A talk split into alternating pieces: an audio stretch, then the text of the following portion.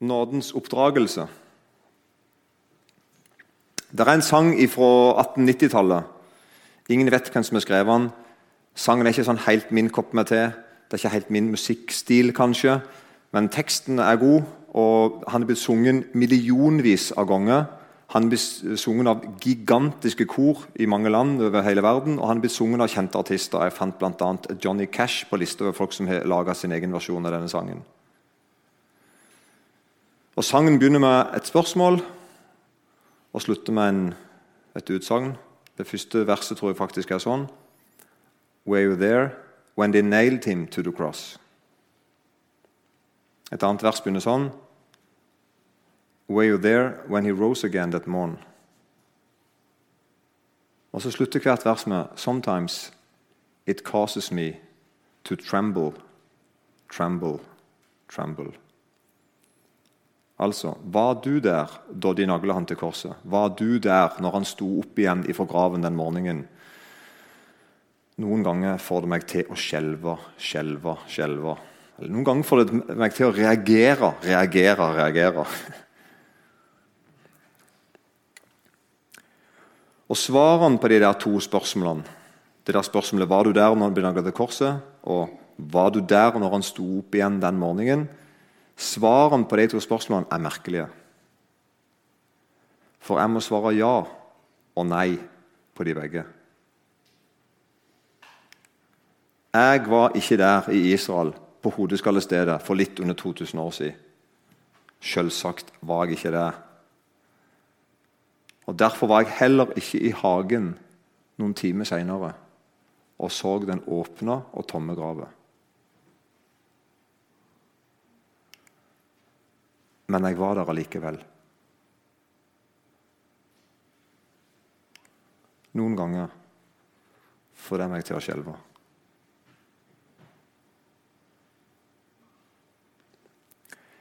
I uh, teologiens verden så heter dette her fenomenet for samtidighetens situasjon. faktisk. Bibelen setter oss inn i samtidighetens situasjon. Vi trekkes inn i det som skjer. Det er en fortelling det er faktisk historie, men det er noe mer. Det gjelder meg. Eller enda bedre det skjedde for meg.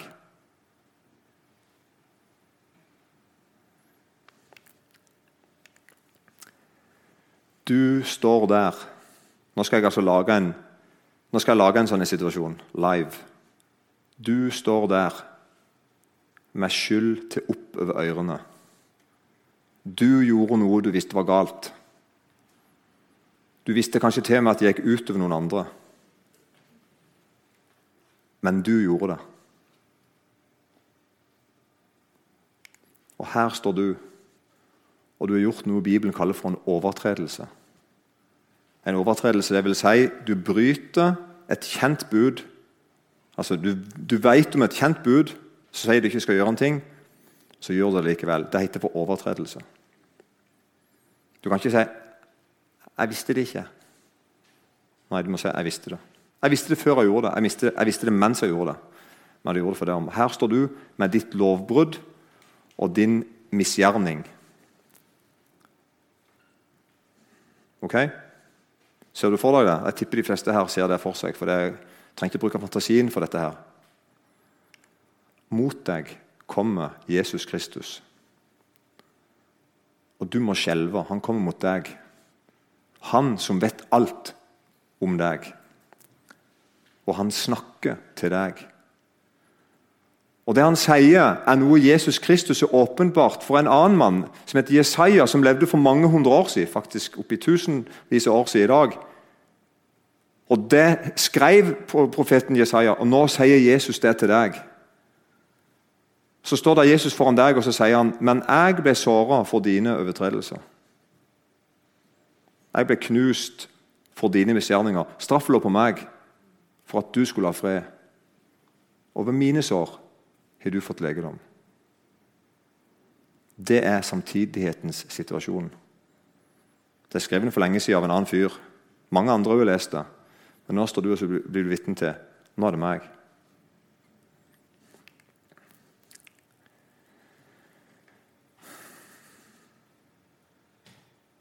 En mann hadde to sønner. Sånn begynner Jesus en veldig kjent fortelling i Lukas 15 og vers 11-32. Lukas 15 og 11-32. Han sa en mann hadde to sønner. Og Så forteller Jesus en fortelling som er ganske kjent for veldig mange. Det er en, sånn, en ganske sånn verdenskjent historie.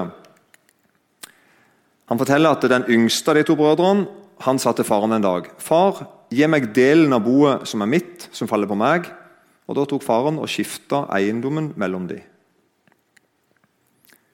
Ikke mange dager etterpå så samla den yngste sønnen sammen alt sitt og drog til et land langt borte. Og Der sløste han bort alt han eide i et utsvevende liv. Men da han hadde sett alt over styr, ble det en svær hungersnød i det landet. Og han, gikk, og han begynte å lide nød. Og Da gikk han bort og holdt seg til en av borgerne der, borgerne der i landet, og han sendte han ut på markene sine for å gjette svin. Bare for å si det, det å gjette svin for en jøde det er siste sort, for det er et urent dyr. Og Så står det til med neste vers Han ønskte å fylle sin buk med de skolmer som svinene åt. Da har du sunket ganske lavt, ikke sant? Og ingen ga noe. Da kom han til seg sjøl og sa Hvor mange leiefolk hos min far har overflod av brød, men jeg setter livet til her av sult. Jeg vil stå opp og gå til min far, og jeg vil si til han, Far, jeg er syndig mot himmelen og mot deg. Jeg er ikke verdig lenger å kalles sønnen din. La meg få være som en av leiefolkene dine. Og han sto opp og kom til sin far. Men da han ennå var langt borte, så far hans sin han, og han fikk inderlig medynk med han. Han løp han i møte, falt han om halsen og kysset han igjen og igjen. Da sa sønnen til han, sånn som han hadde tenkt på forhånd ikke sant, før han gikk. Far, jeg er syndig mot himmelen og mot deg. Jeg er ikke lenger verdig å kalles sønnen din. Men faren sa til tjeneren sine, skynd dere. Ta fram den beste kledningen og ha den på han. Gi han en ring på hånda hans og sko på føttene. Hent gjøkalven og slakt den, og la oss ete og være glade. For denne sønnen min var død og er blitt levende. Han var tapt og er blitt funnet. Og de begynte å være glade. Men den eldste sønnen han var ute på marken ute og jobba. Og Da han gikk hjemover og nærma seg huset, så hørte han spill og dans. Han kalte da til seg en av tjenerne og spurte han, hva dette var for noe. Og Han sa til han, 'Din bror kom hjem.' Og far din slaktet gjøkalven, for der han kom, fikk han frisk tilbake. oss. Da ble han harm og ville ikke gå inn. Men faren gikk ut og talte vennlig til ham. Men han svarte og sa til sin far.: Se, i så mange år har jeg tjent deg og aldri gjort imot ditt bud. Men meg har du aldri gitt et kje, så jeg kunne glede meg med vennene mine. Men da denne sønnen din kom Det er en fin måte å omtale bror sin på. Men da denne sønnen din kom, han som har ødslet bort formuen din sammen med horer, da slaktet du gjøkalven for ham. Men faren da sier til han, 'Barn, du er alltid hos meg, og alt mitt er ditt.' Men nå burde vi fryde dere og være glade fordi denne broren din var død og er blitt levende, var tapt og er funnet. En utrolig fortelling. Mange kjenner seg igjen i fortellingen, og vi har fått noen begreper som fins nesten i hele verden, i alle språk. Begreper som 'den bortkomne sønn' eller 'den fortapte sønn', eller litt mer sånn positive 'den hjemkomne sønn'. Nesten på alle språk så har de et sånn uttrykk for dette, og det stammer fra denne fortellingen.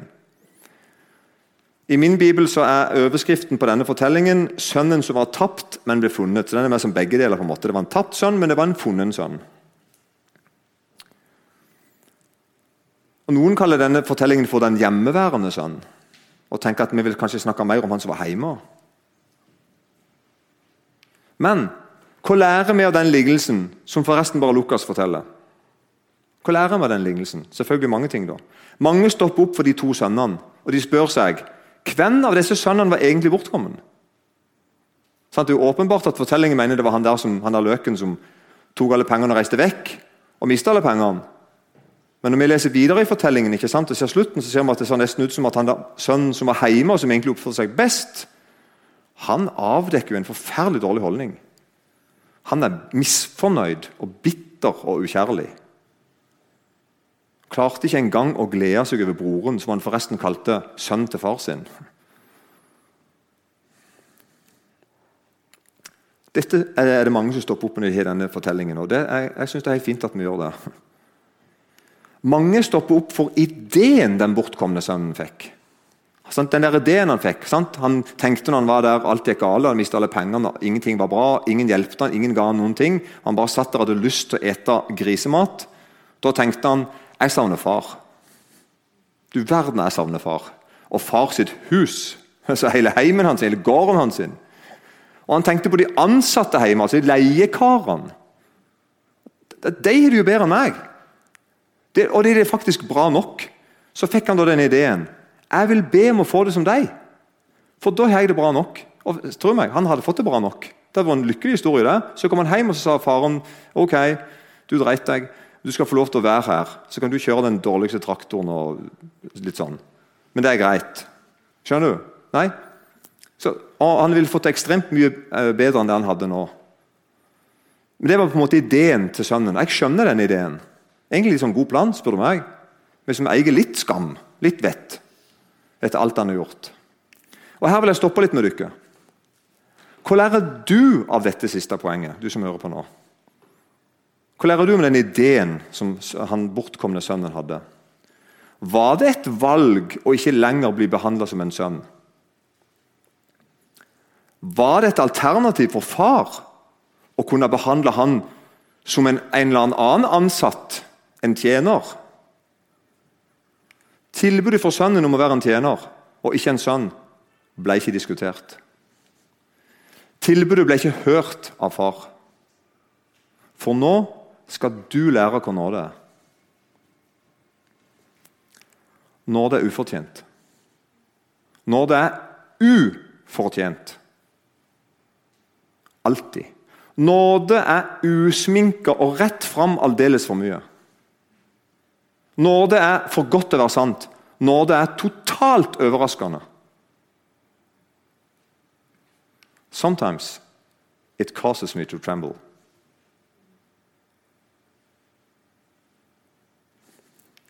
Ofte, faktisk.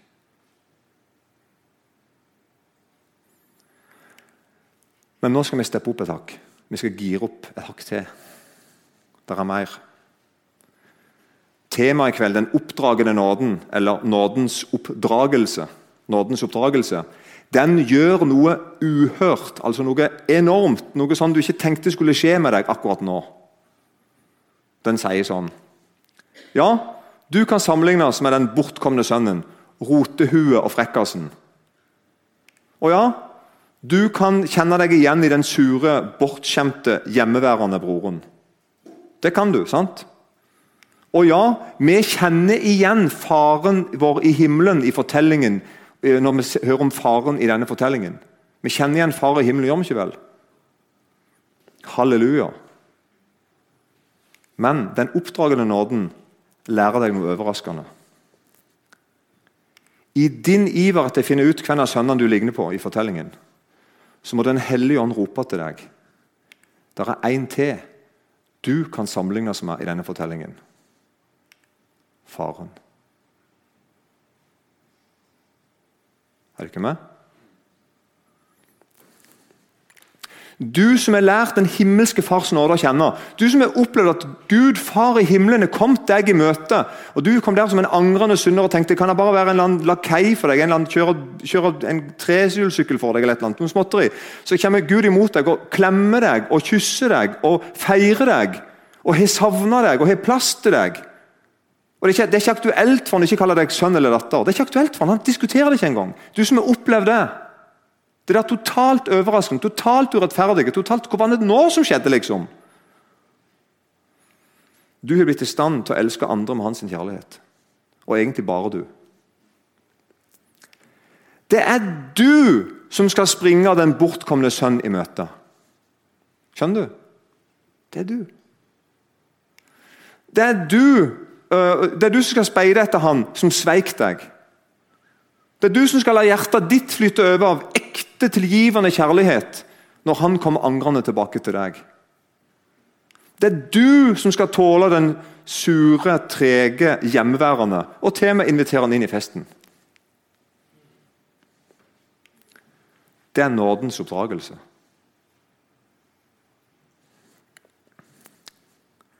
Og Vi må ikke, i likhet med han som rota seg bort i fortellingen, sant? Han, den vi kaller for den bortkomne sønnen som kom hjem igjen, sønnen som var tapt, men ble funnet, som det står. Vi må ikke i likhet med han som rota seg bort, tenke at, være, at, vi skal være noen mindre enn det vi var tiltenkt. Er dere med på hva jeg mener med det?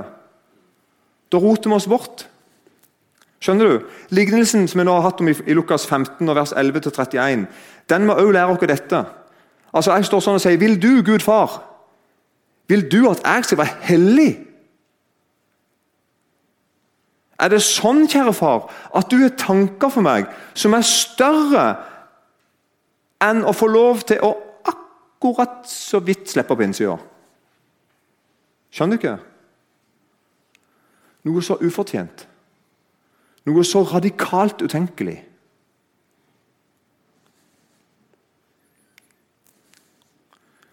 Nådens oppdragelse, eller i min bibel står det, i min oversettelse står det 'den opptuktende nåden'. Det er et litt sånn drøyere ord, men det er, det er herot i samme ord. altså opp, Å oppdra eller lære eller, eller opptukte. Den viser oss Guds nåde som en lærer. Guds nåde er akkurat som en lærer, ikke som en teorilærer, tror jeg, selv om det er, det er teori òg, men han er mer enn bare en teorilærer. Skal vi driste oss til å si mattelærer?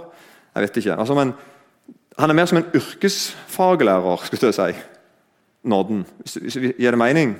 Altså, det er ikke bare sånn at Vi sitter og lærer en fancy teori og så blir vi flinke til å få en god karakter. Men Vi, vi gjør gjerne det òg, men så, sammen med læreren så gjør vi den tingen.